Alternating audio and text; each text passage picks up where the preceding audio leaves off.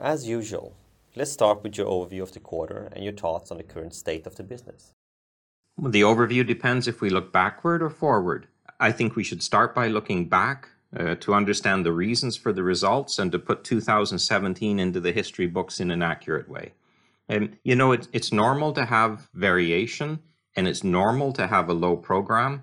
But for SinterCast in 2017, it, it was like a piling on. On the production side, we started the year with three low programs. Uh, the first quarter production was down 9%, and, and we fought all year to recover. In the end, we finished just 0.3% behind 2016 on an annualized basis. That means a recovery of more than 150,000 engine equivalents. Um, beyond the production, we had more piling on from reduced sampling cup shipments and more again from uh, lower installations. So it was a tough year, but we also need to put it in perspective. 2017 was a profitable year. Uh, looking forward, the picture is much brighter.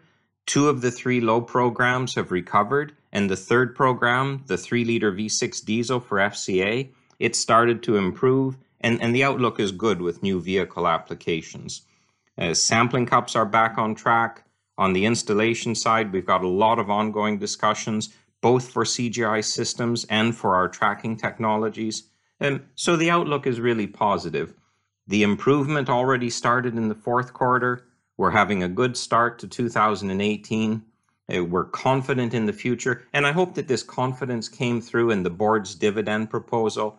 We propose a dividend of 19.5 million, even though the operating result was only 17.7 million. And so we look forward to a good 2018 better results, more fun. The installation revenue was lower than normal. Can you comment on the reasons for this? The installation revenue was a disappointment for all of us. Um, our five year average from 2012 to 16 was 7.8 million, and we only managed 3.7 million in 2017. The main reason for the lower result is that we didn't secure any full system sales in 2017, so we had to cobble together the installation revenue from a lot of smaller upgrades and functionality improvements. You know, it's natural that when you see the production is lower and the sampling cups are lower in the first half, that you start to push even harder on installations to try to compensate. Um, but despite a real focus and a real push, the customer timing just didn't work out before the end of the year. Uh, we think that our efforts push some decisions closer to the finish line, we think that the timing that affected 2017 gives a kind of pent up demand for 2018. So, again, the outlook is good. We expect CGI system sales in 2017. We, accept, we expect tracker sales, and, and we expect upgrades again in 2018. We were below the five year average in 2017. There's a unanimous commitment inside the company to finish above the average in 2018. Sampling cup shipments were also low in 2017. Does this indicate a trend toward lower sampling cup use? Yeah, sampling cups is an easy answer. Um, we publish our sampling cup shipments, and shipments were down from a record high of 168,800 in 2016 to 144,600 in 2017. So that's a decrease of 24,200. But if you look at the next level of data, the actual number of sampling cups that were used in the field, there was almost no decrease.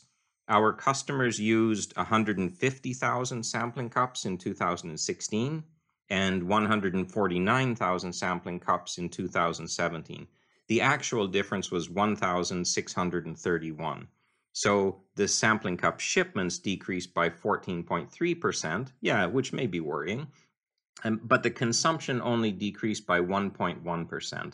And that's logical because the full year production only decreased by 0.3, and there was a normal alignment between the production and the consumption. The decrease of 24,000 sampling cups uh, was purely a customer inventory thing. It's not a trend. Um, there was an intentional stock reduction at a couple of our bigger customers. Uh, one of our large overseas customers changed from sea freight to air freight in early 2017, and the difference in the transit time effectively eliminated one month of shipments.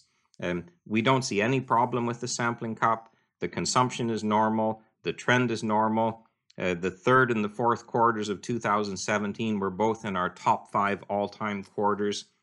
And it was just a part of the piling on that hit us in the first half of the year. What are your thoughts for the outlook for 2018? Fourth quarter production was good. We were able to finish the year on a high. Uh, the production is stable at around 2.1 million engine equivalents. So that gives us a strong underlying base and it's strong at a high and profitable level. Our dividend history now approaches 120 million crowns transferred to the shareholders, and we maintain that dividend focus as one of our core ambitions. And I announced at the 2017 AGM that we'll start high volume production for inline diesel engines for passenger vehicles, and that will fill up the last of our five waves. And we've also said that our development pipe takes us well beyond 3 million engine equivalents. And with the passing of another year, those milestones get closer and they become more concrete. I'm absolutely confident in both of them. We think that we've put ourselves in a good position. We're confident that we're going to get back on the growth track. And looking at the pipeline and our excitement for our tracking technologies, I think we've got a good run ahead of us. So I look forward to presenting that outlook at the AGM in May.